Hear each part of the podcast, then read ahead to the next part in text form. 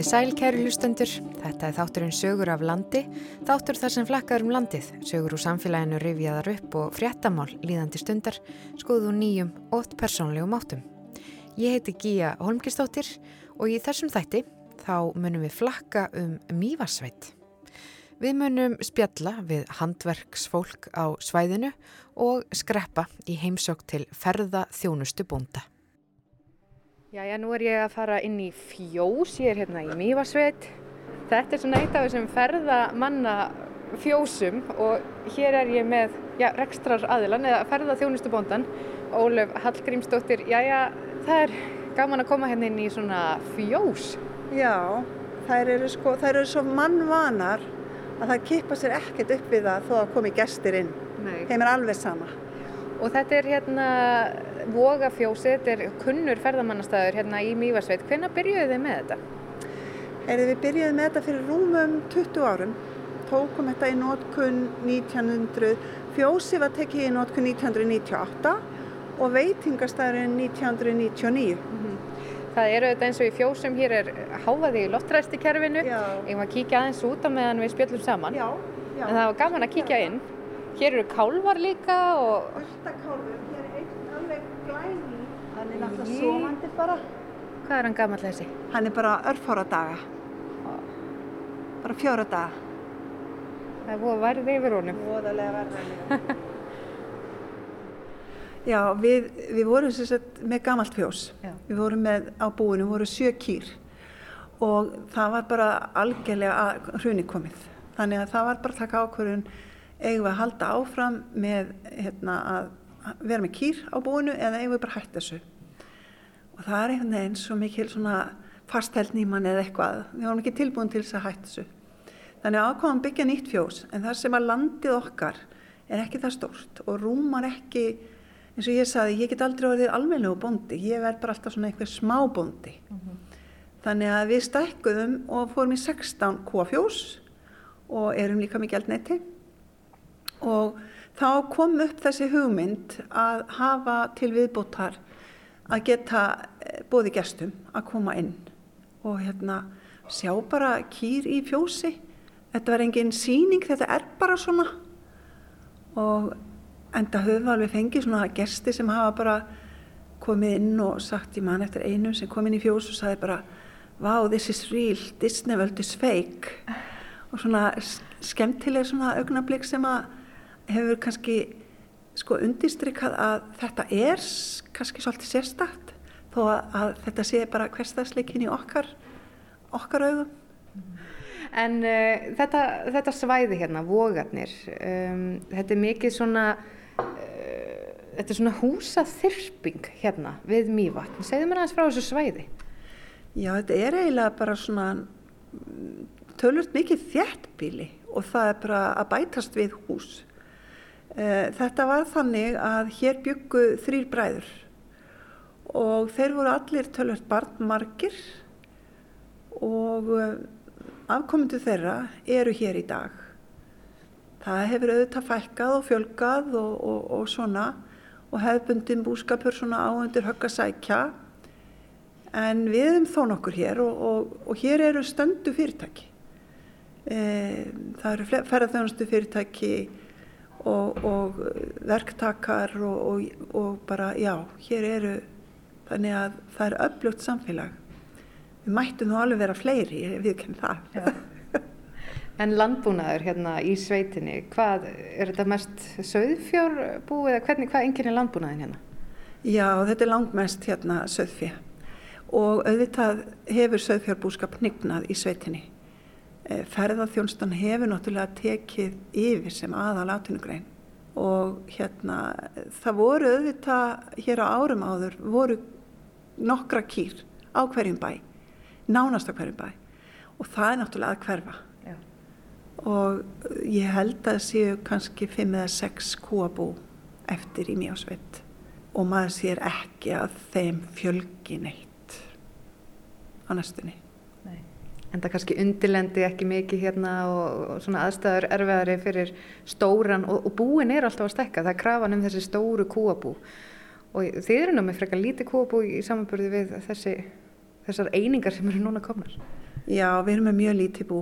Það er reyndar hér svona heiðajarðir sem eru að ég held fínar fyrir kópúskap og það, þar hafa þeir verið svolítið að, að auka við. Mm. En, en eins og á minni jörða þá, þá er þetta nú ekki, þetta er nú ekki sérstaklega búskapar jörð nema það, hún hefur náttúrulega þá kosti að það sem ekki ljarð hitti að túnin hér er orðin sko græn. Uh, löngu áður en líku bara við á öðrum bæjum snjórin er farin úr túnunum og það, það er náttúrulega það hefur hjálpað okkur gríðarlega mikið. Mm. og hér leggur til dæmis vatnið aldrei fram af við því það er svo mikið ljarð hitti Og þú ert alveg upp hérna, eða ekki? Jú, ég er alveg upp hérna og líklega bara bundin svo óskaplega um átt af fjöturum að ég hef aldrei getað hugsað mér að flytja eitthvað annað.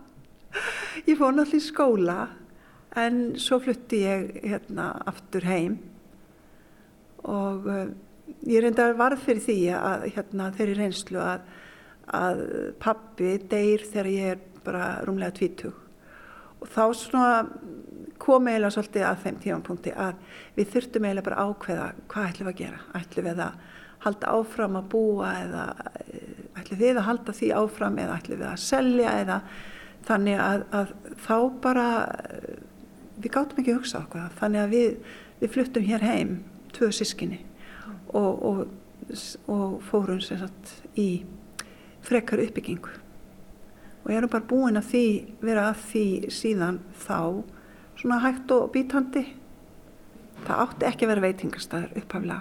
Þetta átti að vera svona lítið kaffihús.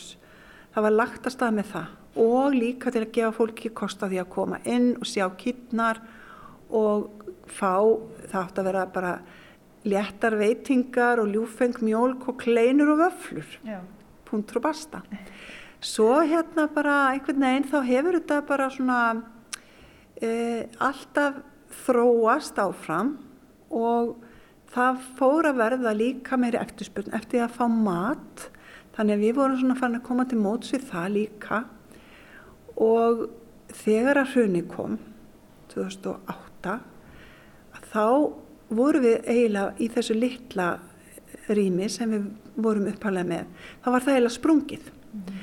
Þannig að við vorum búin að leggja draug að því að stækka en þorðum samt eiginlega ekki út af því að, að að eh, út af hruninu og, og áhrifum þess en svo hugsaðu bara með okkur ég meina ef við gerum þetta ekki núna bara stökkum að stað og við gerðum það og þá stakkuðum við um þennan veitingasal hér yeah.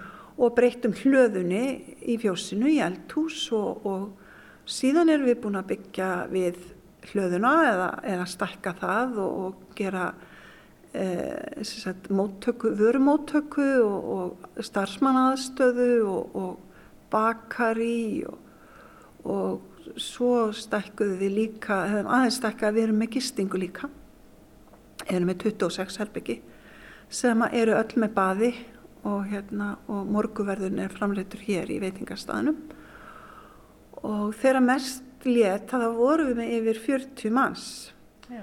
það var það var alltaf svolítið í mér að mér langaði að ebla mitt nær umhverfi og samfélag með því að byggja upp fyrirtæki sem ég geti verið með óhapið á ásgrundvelli og það var okkur búið að takast en svo náttúrulega höfum við stíðið nokkur skref tilbaka eftir COVID og hérna þannig að við höfum bara gert þetta hægt og, og bítandi og svo tók við í nótkunn uh, nýtt lobby uh, hér við fjósið uh, 2019 Já. eiginlega svona næstum því að segja kortir í COVID og vorum þá líka búin að gera upp þennan veitingarsar sem við byggðum 2009 mm -hmm. þannig að hérna við vorum kannski pínu svona óheppin en, en við, við seglumst í gegnum þetta ég hef ekki nokkra aðra trú Er ekki segla í vogabændum? Jú, það er, það er líka tölur svona þrái. Þannig að ég held að það, það komi sér vel núna. Segðu mér aðeins bara frá mannlífinu hérna á svæðinu. Uh, þetta er svona, vogar er svona frekar, myndi ég segja, við stöndum saman þegar á bjátar og þetta er svona frekar náið samfélag. Uh, og í sveitinni erum við náttúrulega ekki, ekki mörg, við erum 460-70 íbúar. Þannig að það, nálaðin er tölvöld mikil. Og auðvitað er við þekkt fyrir að hafa, hafa skipt, vera með skiptarskoðanir og við liggjum ekki á skoðunum okkar. En ég held nú samt að það sé bara gott, ég held að það sé bara að hennu góða að tala bara heiðarlega og hreinskilið og, og skiptast á skoðunum og, og hérna en maður það líka geta bara þá metið skoðanir annara og, og hérna að því auðvitað er það bara gott, við erum ekki alls sammála annars væri þetta bara hundleðilegt mm -hmm. En hver er framtíð eh, vogafjós? Hvernig sér þau næstu, ég má segja, bara fimm ár fyrir þér? Um, við bara ætlum að, að við erum svona bara komin á, á þann stað að maður þarf alltaf að vera á tánum til þess að fara ekki í svona niðrávið og við, við erum ekki með einhver áformum til dæmis að stakka þennan veitingarstað. Okkur finnst að við viljum reyna að halda svolítið í þetta personulega og við erum náttúrulega, sko maturinn sem við erum að bjóða hér er eh, eins mikið heimafengin og afsvæðinu eins og hægt er. Við höfum alltaf hugsað Eh, ef við getum ekki framleita þá, þá hef ég til dæmis, það er bóndi hér í sveitinu sem reiki fyrir með allan sílung. Ég gerði þetta fyrst til að byrja með en svo náttúrulega kemst maður ekki yfir alla skapaðarluti. Við reikjum hins vegar hangikjötið sjálf og hérna og, og sko þetta er ekki verksmiðu framleysla. Þetta er bara gert, það er gömlum hefðum, viðhaldið, við reikingu og, og við viljum hafa það þannig. Eh, við búum til í ost uh, á búinu úr okkar mjölk og hérna við ætla að bökum hverabröð uppi í jarðhitta og hérna erum bara sagt, eins og ég segi við notum allt okkar kjött sem að kemur á búinu við erum með um 120 kindur og allar nautgripa afurðir notum við nema hluta af mjölkinni sem fer inn í samlag og auðvitað kannski væri gaman að þróa það enn frekar til þess að, að virðisökinn verði ennþá meira heima á búinu en það er bara svona framtíðar hugsun. Kannski bætu við við nokkrum herbergjum að það hafa alltaf hafa eitthvað markmið. það er allavega hugur í ykkur. Já, já, það, já, já, já, það þýðir ekkert annað.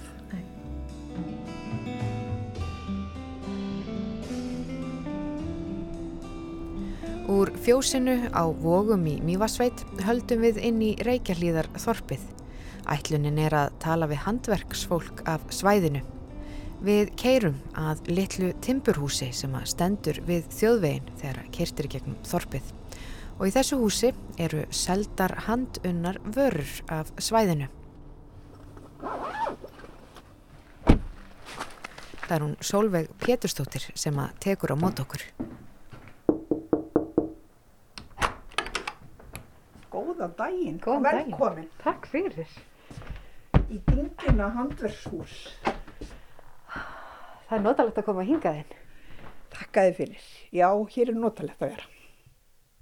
Dingjan er náttúrulega dingja áltarinnar og eins og sjáum á þegar að við keirið hérna að húsin okkar að þá er dingja upp á þakkinu og svanur ja. ofan í henni. Við erum sér satt um, fólk hér úr mjósveit sem að hérna rekum þetta, vinnum bara hvort fyrir annað og seljum þetta og það er náttúrulega svona aðalega á sumurinn. En samt alveg sko við höfum opið um páska og núna er nýbúið að vera vetrarháttíð og þá höfum við opið og síðan opnum við kannski svona um meðan mægi eða eitthvað þannig. Daglegur rekstur er þannig að það er yfirleitt tvær konur vakt og við gerum þetta sem að það er allt launalaust þannig við bara vinnum hvort fyrir aðra. Já, sko þetta byrjaði náttúrulega bara með því að við fengum hérna gamalt fjórs sem að við hérna svona innréttuðum og hérna þar voru við í einhver tíma, ég náttúrulega man ekki beinlýns árin sko, en þar voru við einhver sömur. Síðan fengum við svona lítinn vegavinnskúr og þá fórum við hérna út í hlýð sem er hérna tjaldsvæði. Þar voru við í smá tíma í náttúrulega pínlitlum skúrum og allt og litlum og síðan var það þannig að þegar Jóhanna Sigurðardóttir var félagsmálar á þeirra þá voru svona styrkir sem að hún sem sagt auðlisti og við sóttum um og fengum styrk og gátum sem sagt keift þetta hús sem að var þá svona uh, það vantæði klæðninguna utan og vantæði klæðninguna innan í og eitthvað svona og svo bara unni við þetta doldi mikið sjálfar. Og svo voru þið hægt þarna út á tjálstæðinu og settu þá húsi sem þið fengu fyrir Jóhannustyrkin. Þá plaseru þið húsinu hérna á þessum stað? Já, við vorum svo örumurlega svo heppin Já. eða þannig að það var sérsagt veitikastæður hérna sem að hætti og flutti burtu og þá stóð þessi lóð hér, stóð þessi lóð hérna og við sem sagt fengum henni hana sem sagt útlutað þessari lóð e, með því að við myndum stækka húsið örlítið og gera sem sagt starfsmanna aðstöðu og klósett og það gerði við. Sko fyrst var þetta náttúrulega bara nokkrir útlendingar sem að svona fældust inn. En núna er þetta orðið þannig að það er bara eiginlega alveg stöðug trafík á hérna á sumrin. Og það sem að til dæmis okkur þótti mjög merkilegt og skemmtilegt að það var í fyrra þegar það voru nú ekki margir útlendingar að þá fengum við bara fullt af Íslendingum og þar sem var til dæmis mjög skemmtilegt það var það að við reiknuðum ekki með að selja voðalega margar lópapeysur í fyrra en við seldum bara alveg fullt. Og svo erum við náttúrulega líka með það sem að trekki svolítið að það er hérna matvara. Við erum sérst með reiktansílung úr vatninu. Og við erum með hverabaka brauð. Og svo erum við með þessi hlaup sem ég geri. Já. og það er eiginlega orðið þannig að, hérna, að það er að koma til mjög fólk sem kemur á austan uh, og segir bara ég kem alltaf við til þess að uh, hérna, versla annarkort rúbröðið eða þetta allt saman. Mm -hmm. Seilungurinn og rúbröðið, þetta eru þetta sérkenni mjögarsveitar, er það ekki? Jú, jú og þetta, þetta er uh, hver að baka bröð og útlendingunum finnst þetta náttúrulega rosalega merkilegt og þetta, þetta sé bakað um, underground bakery eins og er kallaða og náttúrulega bakað í 24 tíma og allt þetta og svo kemur þetta nýtt á hverjum degi þannig að þeir finna það, það er heitt og þetta er náttúrulega eitthvað sem að þeim finnst bara alveg rosalega merkilegt. Hvernig baka maður úbröði í hver? Eh, hvernig er þetta gert? Sko það er sett niður yfirleitt uh, tromla úr þottavél sem er grafið niður og síðan uh, er úbröðu sett í fernur og margir setja þetta bara í svona póka eða þannig og setja svo pókan bara ofan í holuna og þannig er þetta látið vera í 24 tíma. En ég er ekki svona rúbröðs uh, hérna, bakari. Nei mér finnst betra bara að kaupa það hjá einhvern öðrum. Ert þú fættu alveg upp hérna við Mývatn? Nei, ég er það ekki. Mamma mín er hérna og svo flytti ég hérna fyrir eitthvað um það byrð 30 áru síðan. Hvað er álst upp? Í Borgafyrði. Borgafyrði Siðri, þar að segja. Og varstu strax farin að dundaði við hann er þeir á, á, á yngri árum? Ó nei, aldils ekki. Ég held að mamma hafi sko uh, bjargað flestum skólaverkefninu mínum og kláraði fyrir mig þannig að nei, ég, ég var uh, svona kannski, segjum ég hafi kannski verið svona rúmlega tvítug og þá kendi þess að tengda mamma mín mér að hekla og hekla smekki. Af því að hérna Ég byrjaði mjög unga eiga börn. Ég var bara 17 ára þegar ég átti mitt fyrsta barn og ég hef búin að eiga þrjú þegar ég var 22 ára. Þannig að það var gott að kunna hegla smekki. Ég flytingaði 1991 og þá hérna um, ég þekkti sem sagt mannin sem að ég flytti til. Hann var nú bæði hérna, skildur mér eða sérst frendi minn og svo vorum við búin að vera vinir í mjög langa tíma og ég var sagt hérna var skilinn og var með þrjú börn og hann sem sagt var búin að kaupa hand okkur hús og ég flyttingað og búin að vera hérna síðan. Já, og hvernig er að alveg börn hérna á þessum stað? Það er náttúrulega forréttindi að ala upp börn á, hérna, á þessum stað og þá náttúrulega var líka sko skólinn miklu starri, miklu fleiri börn og, og svo leiðis. Þannig að þú hefur byrjað bara eiginlega fljótlega eftir að kemur hingað í þessum uh, hópi, uh, dingjan, þessum svona handverkshópi sem stendur að dingjunni. Já, byrjaði, ég byrjaði strax og bara var strax með í uh, þegar að þetta var bara hm, verið að ræða að okkur langaði til þess að, að hérna, stopna einhvern svona hóp ég er búin að vera sko, þú veist, í stjórninni og ég er búin að vera formaður og, og alls konar en núna er ég bara vennilegu félagsmaður og, og er með þörðunum mínar hérna. En hvaða drauma eru þið svo með núna varandi þennar stað? Þið eru búin að byggja upp þetta hús, þið byrjuðu bara í litlum vegavinnuskúru nánast uh, og nú eru þið komin hingað, eru þið allir að vaksa meira eða hvernig, hvernig eru svona draumarnir inn í framtíðina? Nei, ég held sko húsið það ber náttúrulega ekki miklu meira heldur en það sem er núna. En það væri voða gott að fá sko fleira ungt fólk. Við erum náttúrulega við eldumst og við erum með daldið mikið af svona fullordnum konum sem er náttúrulega dásamlegt að hafa með. En uh, það væri voða gott að fara að fá svona svolítið yngra fólk með okkur. En hvað enginnir uh, eh, hópin? Hvernig hópur er þetta? Náttúrulega rosalega fjölbreyttur. Við erum með, eins og ég segi, fullorðnar, fullorðnar konur og við erum með kalla sem að ekki að vísu vinna í, hérna, við afgreðslu og þannig, en þeir sjáum að mála húsið og, og hérna, eða bera húsið og setja upp jólasýrjunu og eitthvað, eitthvað því líkt en um, já, hópurinn er bara, myndi ég segja, svona frekar svona samstiltur. Mm -hmm. Og allar ákvarðanir mjög líðræðislegar og, og, hérna, og allt mjög svona samstarf gott? Já, samstarfið gott og við erum bara alltaf náttúrulega með stjórn í félaginu sem að um, sérum, þú veist, ski, allar skipurlagningu og og svo leiðis þannig að við hinnar getum þá verið áhyggjuleysar með það og svo er bara raða niður vinnudögunum á okkur og því er líkt. En hvernig líst ykkur svo á sumari framöndan? Er þið að undirbú ykkur eitthvað sérstaklega? Um, nei, okkur líst bara vel á sumarið vegna að við höldum að það verði bara annað eins sumar eins og í fyrra, svona Íslandíkasumar mm -hmm.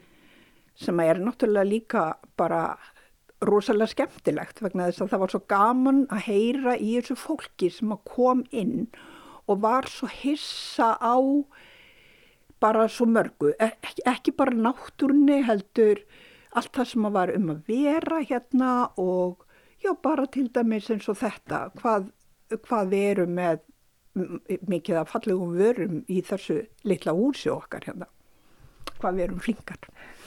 Hvað við erum flinkar, það sérst hérna, það er því líka listaverk hérna út um allt og uh, bara lópapeisu staplarnir hérna mm -hmm. og eru það vinsalistu vörurnar fyrir erlendaferman, eru það lópapeisunar?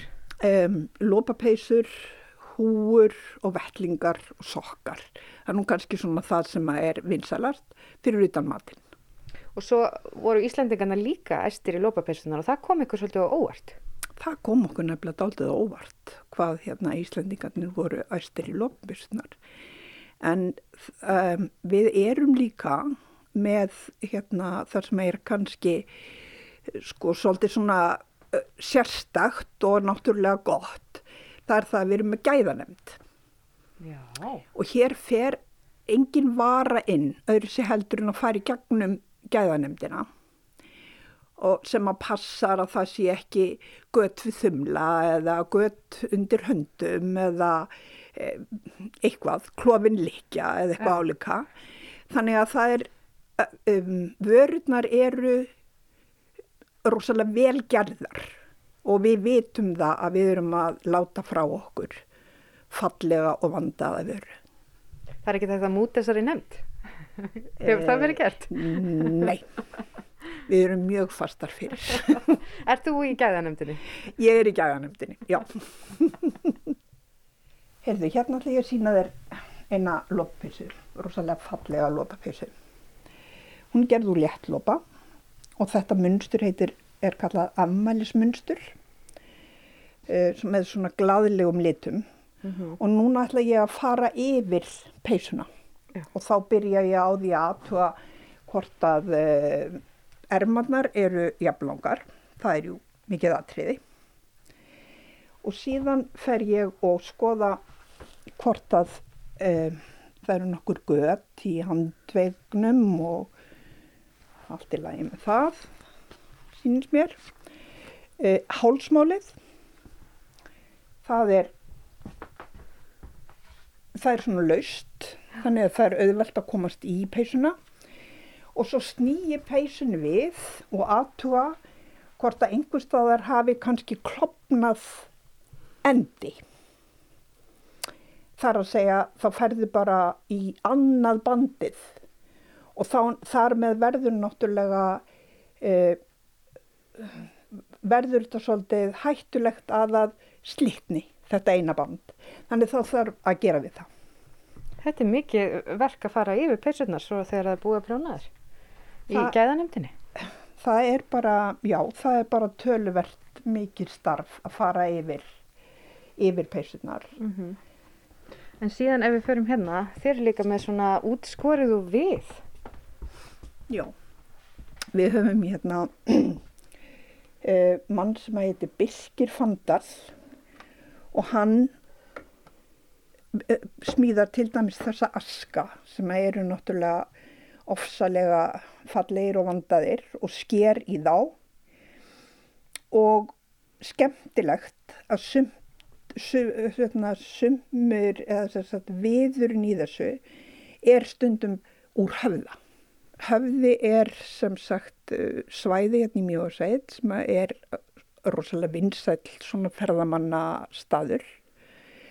Þar sem að þú getur lappa nýra vatninu og sér til dæmis þess að kallað eru kálfastranda klasarnir. Mjög vinsæll ferðamannastaður. Og þar þarf stundum náttúrulega grísja og þá hefur hann fengið að taka efni þaðan.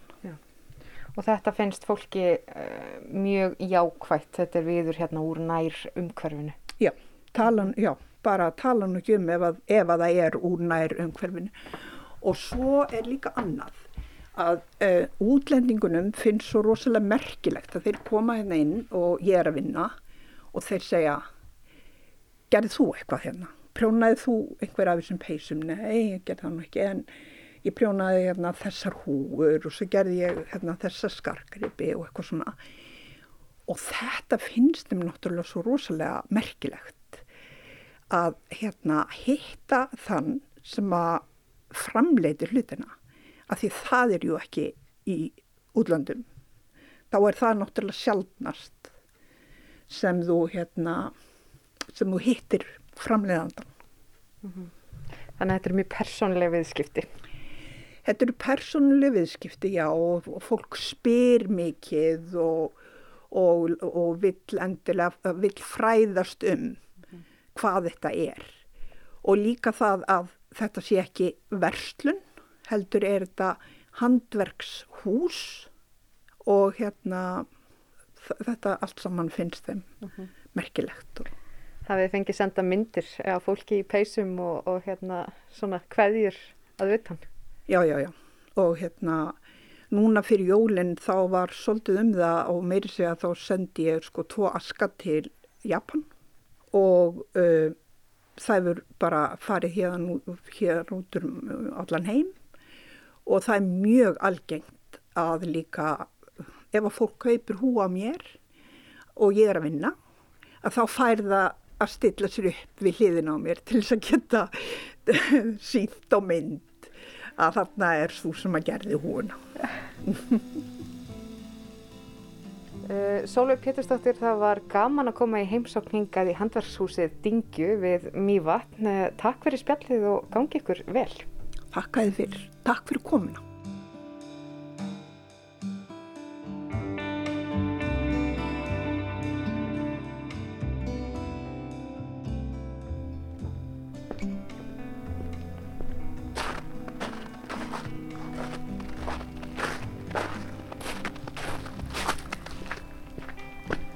Stendi fyrir framann skemmu, það er alveg glampandi sól hérna í Mývarsveit núna.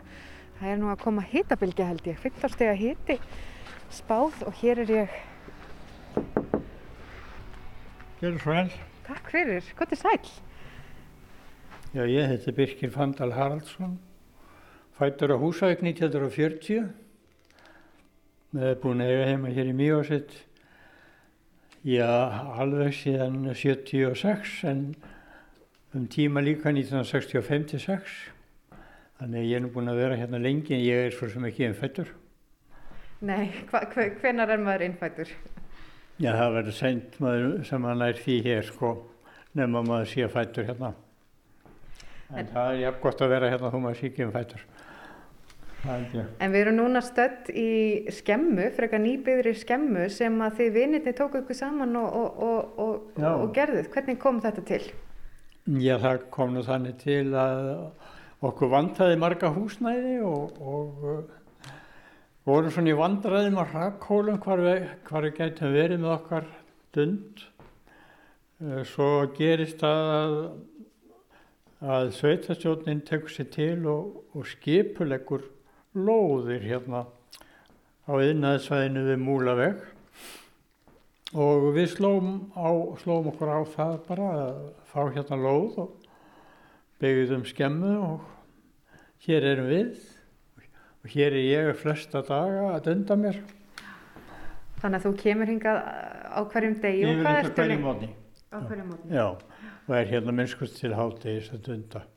Það er ósku gott að vera hérna í róluheitum og þá er maður að smíða aska eða eitthvað annað sem að hugurinn gyrnist. Já. Þú ert með tómustokkin hérna í höndunum. Ertu alltaf með tómustokk á þér? Nei, nei, ég nota meira málbond oftar. En það er nú bara það sem ég finn hverju sinni, sem ég grýp. Jú, Tómustokkurinn er síkilt tæki og hann er búinn að halda alveg sínum, sínum notkunnar gildi mjög lengi, ábyggilega meirinn öld. En ég tek hérna eftir útsýninu út um gluggan. Uh, þetta er ótrúlega fallið. Getur þú sagt mér hvað við erum að horfa á? Já, það er náttúrulega, hérna nær er höfði sem, lágur höfði sem heitir Ytri höfði Já. og hann er í landi Reykjavíðar. Ég var heima sunnan undir Ytri höfðanum, þar er húsið mitt og yfir höfðan þá gnæfir vindbelgur eða belgjafjall, venjulega kallum það belgjafjall en í örnöfnaskrá heitir þetta vindbelgur, skemmtilegt nafn. Þetta er rosa flott. Hvað, hvað er þetta? Þetta er nú ekki fallit eins og þið er, það getur orðið fallit. Þetta er, þetta er stórgrip á hotn. Og veistu það að svona hotn þarf ég að kaupa í vestunni Reykjavík og það kemur austan á Asju. Á Íslandi er stórgrip, engin stórgrip að fá. Bændur á Íslandi eru búin að rækta hotnin af kúnum. Þannig að kýrnar eru búin að missa glæsileg sem allar, íslensku kýrnar. Ég get fullirt við þig að í Mjósveit það var eitthvað á annað hundra kýr. Það er nú svo sem ekki mikið á landsmælikvarða en, en það er engin þeirra með hotn. Seinast við séum eina kú með hotn í gardi og það, það er 20 ár síðan. Hún var glæsileg skepna. Nú eru kýrnar sviplausar og og dauvar greiðin. það fá ekki að vera með hotn. En, en nautgripum er náttúrulegt að vera með hotn. Og nú helst að fara að gera íslensku kúna einhverju undirtegund, blandinni saman með eitthvað annað sem er hægt að hafa meiri mjölkútur. Já. Það er ekki gaman. Nei, þetta er Þetta er svona... auskurlanlappur. Þetta er skíðið mín, ég, nú er ég að hugsa maður, ert þú gengur svo skíðum? Já, ég gera það nú svolítið. Ert þú mikill skíðagöngum aður? Ég geng mikið á skíðum. Hefur alltaf gert það? Ég var nú meira á sögskíðum í gamla daga, en núna geng ég á gönguskíðum. Það er þau forréttindi eins og mörg önnur í mjögsett. Ég fer á skíði hérna við og lappa heim til mín og stíga á skíðunum og beint inn í hús. Þannig að það er sko, það er að tala á milli, ég þarf ekki að flytja þau á bíl eða neitt. Þau eru bara tilbúin hérna og ég venjulega gengi upp eftir skíðum. En í dag er það svo blött færi og leiðilegt vegna þess að þýðu sem er núna þá fór ég á bíl.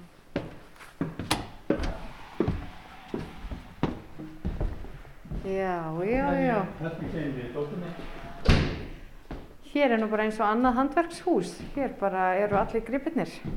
Hérna er dóttur mitt, já. Þetta kemur við það. Safnaði hérna saman. Ég sé hérna mynda konu, Fanny Björnsdóttir. Já, já, hún var föðusysti mín. Ég hef nafnað henni, Fandal. Já. Þaðan kemur Fandalsnafni. Fann Ey. Hún dó eins og svo margir á fyrir hluta síðust aldar. Já. Síðan ertu hérna með svona vegg. eh, Já, Útskurð. ég hef ekki þetta hérna svona, þetta er í höf. Þetta eru rekaviðafjör, þetta er sennilega síberjulerki á var var næstu því metri í þermál og rak á sílalæk og úr þeim trjástofni er þetta gert. Rendi þennan disk og, og setti svo einhverja fallega vísur eftir Hallgrím. Já. Gefðu að móður málið mitt. Já, Minn Jésu þess ég beigði. Ertu alltaf á höttunum eftir góðum við já, já. og hornum? Þetta eru fallega hotn. Heldur að vera ekki munur ef við kýtnar okkar væri með svona hotn. Segðu. Og hérna er askur, þetta er alltaf stór askur og hann er með um 20 cm í þvermál og munstrið á honum, það er svona svolítið mývest. Þetta er tekið, er tekið upp af fjöl sem til er á grænavatni, gömul fjöl sem ég álit að sé úr gömlu Reykjavíða kirkju sem var rifin þegar eldgóðsum voru hérna uh, 1724. Ég aðlagaði það bara að askloki en ég, uh, ég, mér þótti mjög væntum þegar ég fekk að sjá þessa fjöl og átta mig svolítið á sögu hennar. Þetta er ég líka með litla aska sem eru bara svona 5 cm í þörmál. Uh, ég smíði það vanda ferðamönnum þeir, þeir eiga það til að fá sér svona minjagrip. Þetta er príðileg stærð svona í ferðartösku. Já, príðilistar í ferðamönnum. Og þú hefur þetta, hérna er svona naut á, á þessum. eh, Já, það- já, hérna naut Auðvitað og ég, ég hef þeim með horn. Já. Já. Þú hlýtur að vera mentaður smiður eða hvað? Nei, ég er vélstjóri. Þú ert í vélstjóri. Starfaði við Krömluvirkjunni í 33 ár. Þar áður niður við Laxavirkjunni en 8 ár og eh, sem vélstjóri á báðum þeim stöðum. Nú þar niður við Laxavirkjunni þar voru flestir eh, starfsmennir dunduði sér með eitthvað í frítímum að smíða. Og uh, ég var nú reyndar búin að gera þetta frá því ég var krakki að vera helst alltaf með eitthvað á milli handana en við Laxá þá, þá var það nú einlega bara skilda að, að hafa eitthvað á milli handana í kringum vaktirnar á stöðinni og þetta verður einlega fyllt mér allæfi að, vera að dunda mér eitthvað. Ég hef smíðað ímislegt annað heldur en þessa aska þó þessi það sem ég er með núna. Ég hef aldrei að smíða báta hérna á tímabili og, og svona, það er svona ímjögslagt. Það er nöðsynlegt að hafa með til handana. Það er nú erfitt að hafa bát á milli handana, það er svolítið stór greipur. Já, það er ekki stóri, það voru prammar, litli prammar, 12-15 fjöta prammar sem ég smíði þetta alltaf af. En hvernig var tímiðin við, já, segjum bara kröpluvirkun, uh, hvað, þú varst velstjóri þar, já. lístu þeim tíma fyrir mér? Það var bara ágættur tími, mikið að gera all, allan tíman og mikið svona stress á mörgu sem þurfti að gera þar. Það var margt sem kom óvænt upp í hendundar á okkur, eldgóðsinn all til dæmis. Maður tók því eins og hverju öðru sem maður uh, þurfti að fást við. menn reynda að vera ekkert að láta uh, óttan á tökum á sér með það og uh, það fór nú allt ágætlega vel og uh, þó að margir vildu að þessari virkun er í lokað og, og læst og jafnveg hún er í rifin þegar það var verið að byggja hana að þá heldum nú áfram og, og í dag framleiður hún á fullum ákvöstum með það sem áallar var og, og önnur virkjunni komin hér í nágrinni út á Þeistaríkjum. Það hefði ekki orðið ef að menn hefði gefist upp í kröppul á sínu tíma. Þannig að ég er mjög ánað með hvernig það þróaðist allt saman. Og fyrir bragðið er, er hér í Þingarsíslu nóga ramagni. Þegar ég var að byrja niður við Laxavirkjun þá var sko ekkert umfram ramagn þá var ramok framleitt á dísilvélum í stórum stíl og akkurýri austur, austur í austur á Kópaskýri og Rauðarhöfn og þýstilfyrðinum var allstað var framleitt ramagn með dísilvélum þetta breytist eftir að eftir að menn fóru að framleiða meira fyrst við Laxá og, og svo við Kröpluvirkun síðan hafa þingengar haft nóg á ramagni en þá hættar menn líka átt að sjá því hvað það er mikilvægt að hafa orkuna. Og nú vil helst engin að sé virkja nokkur staða nálatun Já. En ætlaður þér alltaf að verða vélstjóri eða hvernig ætlaðist það að þú mentaður þig til vélstjórn? Ég fór að læri bifjalavirkjun út á Húsavík um tvítökt og vélvirkjun þar á eftir. Fór svo í vélstjórnskólan og, og eftir það fór ég beint á Laxavirkjun og hef verið og var allar minn starfsefi eftir það ramos, í rammarsframlýslunni. Ég var mjög ánægð með það og mér líkaði það vel. En svo hefur þið líka sendt einu embatti í rauninni. Þú ert búin að vera að skrifa svona sögumóla fyrir árbók þingæðinga. Er það ekki svo? Jú, alveg rétt. Jú, jú. Það var eh, skamum fyrir aldamótin að rittstjóri árbókar þingaðinga sem þá var Guðni Haldorsson spurði hvort ég vildi ekki prófa þetta og, og hérna ég hef nú alltaf haldið dagbók og uh, ég sló til og, og svo hefur þetta haldið áfram síðan. Eh, Nokkur árum setna kom nýr rittstjóri að árbókina, Björn Ingólfsson, grenvikingur og ég þekkti hann líka og þekkti Guðina áður þannig að ég var að vinna með kunnum, kunningjum við árbókina og hafði gaman að því og ég var nú fréttarittari hjá mokkanum á þessum árum og það fór svolítið saman til dæmis myndataka og fleira í kringum þetta. Er eitthvað sem stendur upp úr, þú lítur þú að fylst virkilega vel með allan þennan tíma, eh, er eitthvað sem að þér finnst hafa staðið upp úr? Hvort það stendur upp úr eða niður úr, það, það hafa nú verið uppsveiflur og svo hafa líka verið niðursveiflur, það var náttúrulega ekkert gaman þegar að kísiliðan þurfti að hætta og fjálmargir starfsmenn þar uh, flutt úr sveitinni þá.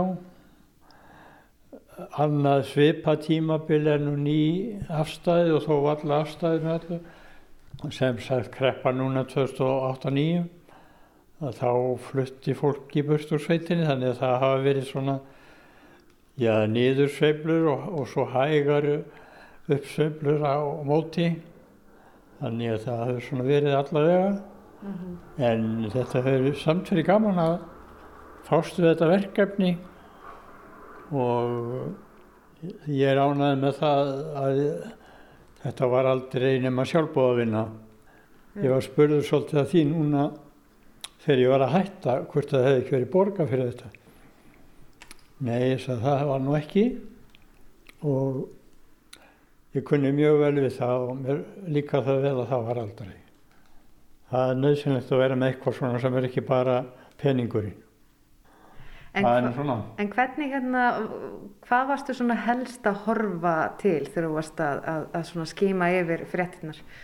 Já, ég byrjaði nú að yfirleitt svolítið að koma mér í gang með því að tala aðeins um veðrið. Já. Og í sambandi við veðrið þá bætti ég einum punkti við í árbúkina að eh, ég gat þess alltaf hvernig ísinn fór að mývatni og hvernig hann kom á mývatn. Og það hafði ekki verið gert áður. Ég vona að það haldi áfram. Eh, Nú svo var þetta nú svona, maður reyndi að pumpa eitthvað upp úr forraðamunum félagskappa og svo fór maður í hrefs fundagerðirnar og það er alltaf, það eru nóg að móða. Svo skrifaði maður eh, pósta og sláturhúsið að spyrja hvað hefði verið mörgu slátra hjá þeim og, og hvað var mikið mjólklöðinn og og yfirleitt ekki greið svör við þessu og yfirleitt við öllu framan af en nú seinust árin er orðið mjög erfitt að frá opinberar upplýsingar. Það sem á að koma frá ríkistofnunum, til dæmis eh, hvað er margt fjö og hvað er marga kýr og hvað er mikið heijað, það er verið sífælt erfið, það er næstum því ekki hægt að fá þessar upplýsingar. Ég er næstum því að við tengin hvað þetta þessar tölur því að ríkisbáknir eru svo flókir og það eru orðin svo margi starfsmenn að það veit engin hver að halda þessu saman og, og geta þá gefið upplýsingar um þetta. En frá enga fyrirtækjum eins og sláturhúsinu og, og, og mjölkuframleðandan þá er ekkert mál að fá frá þeim tölur. En hvernig tilfinning var svo að láta af þessum eh, störfum eftir allan þennan tíma? Það er bara þægilegt. Maður er hann að kalka svo mikið og, og svo er maður eh, gleiminn og vittleysvarðin þannig að, að þetta var orðið tímabært. Það var orðið svona að maður þetta passa sig að, að vera ekki skrátt fyrstvar eða tvö ár eitthvað. Já. Og eh, já, þegar maður er komin að nýraðis aldur þá var það ágætt að, að hægja aðeins á ég er mjög, mjög sáttur við að hætta þessu og, og óskaði bara eftir því og, og menn tóku til eitthvað þess. Já, maður á þínum aldri, þú hefur upplifað margt og, og, og já, reynslu bankin stór. Hvað svona er þinn stærsti lærdómur í gegnum já, þín ár? Þú spyrir nú svo svakalega stórt að það er nú bara engin leið að svara þessu svo veit ég í. Það er svo margt, uh, mér finnst nú bara að lífið hafa farið vel með mig. Ég myndi nú svara því þannig að, ég hef verið gæfumöður í lífinu. Og svo hérna, þú ert hérna með þessa flottu skemmu, glænýja, margi möguleikar hérna. Hvað svona sérðu í framtíðinni? ég forðast nú að vera að velta öngum mikið í framtíðinni. Maður komin á þennan aldur veit aldrei hvernig sagt verður stopp við hann. En á meðan ég er frískur þá tek ég því og, og, og nota þetta skemmtilega húsnæði og nýtt lífsins. Ég reyna að ganga á fjöll svolítið á sömbrinn og svona ganga út í náttúrinni, ég er gaman að því. Og það er bara, það er svo ótalmart þetta að gera, það er, það er engin endir á því á meðan maður lifir. Og það er mikið gæfa að hafa góða hilsu sem ég tel mig hafa. Það er fjari því að allir hafið það. Birgir Fandal, takk fyrir að taka á móti mér hérna í skemmunni þinni og gangið er sem allra best. Hakkaði fyrir spjallið. Og þar með er komið að lokum í sögum af landi en í þessum þætti var flakkaðum Mývasveit. Viðmælendur voru þau Ólaf Hallgrímsdóttir, ferðaþjónustubóndi í Vógum og handverksfólkið Sólveig Pétursdóttir og Birgir Fandal. Tæknimaður í þættinum var Lítiða Gretastóttir við þökkum þeim sem hlýttu lifið heil.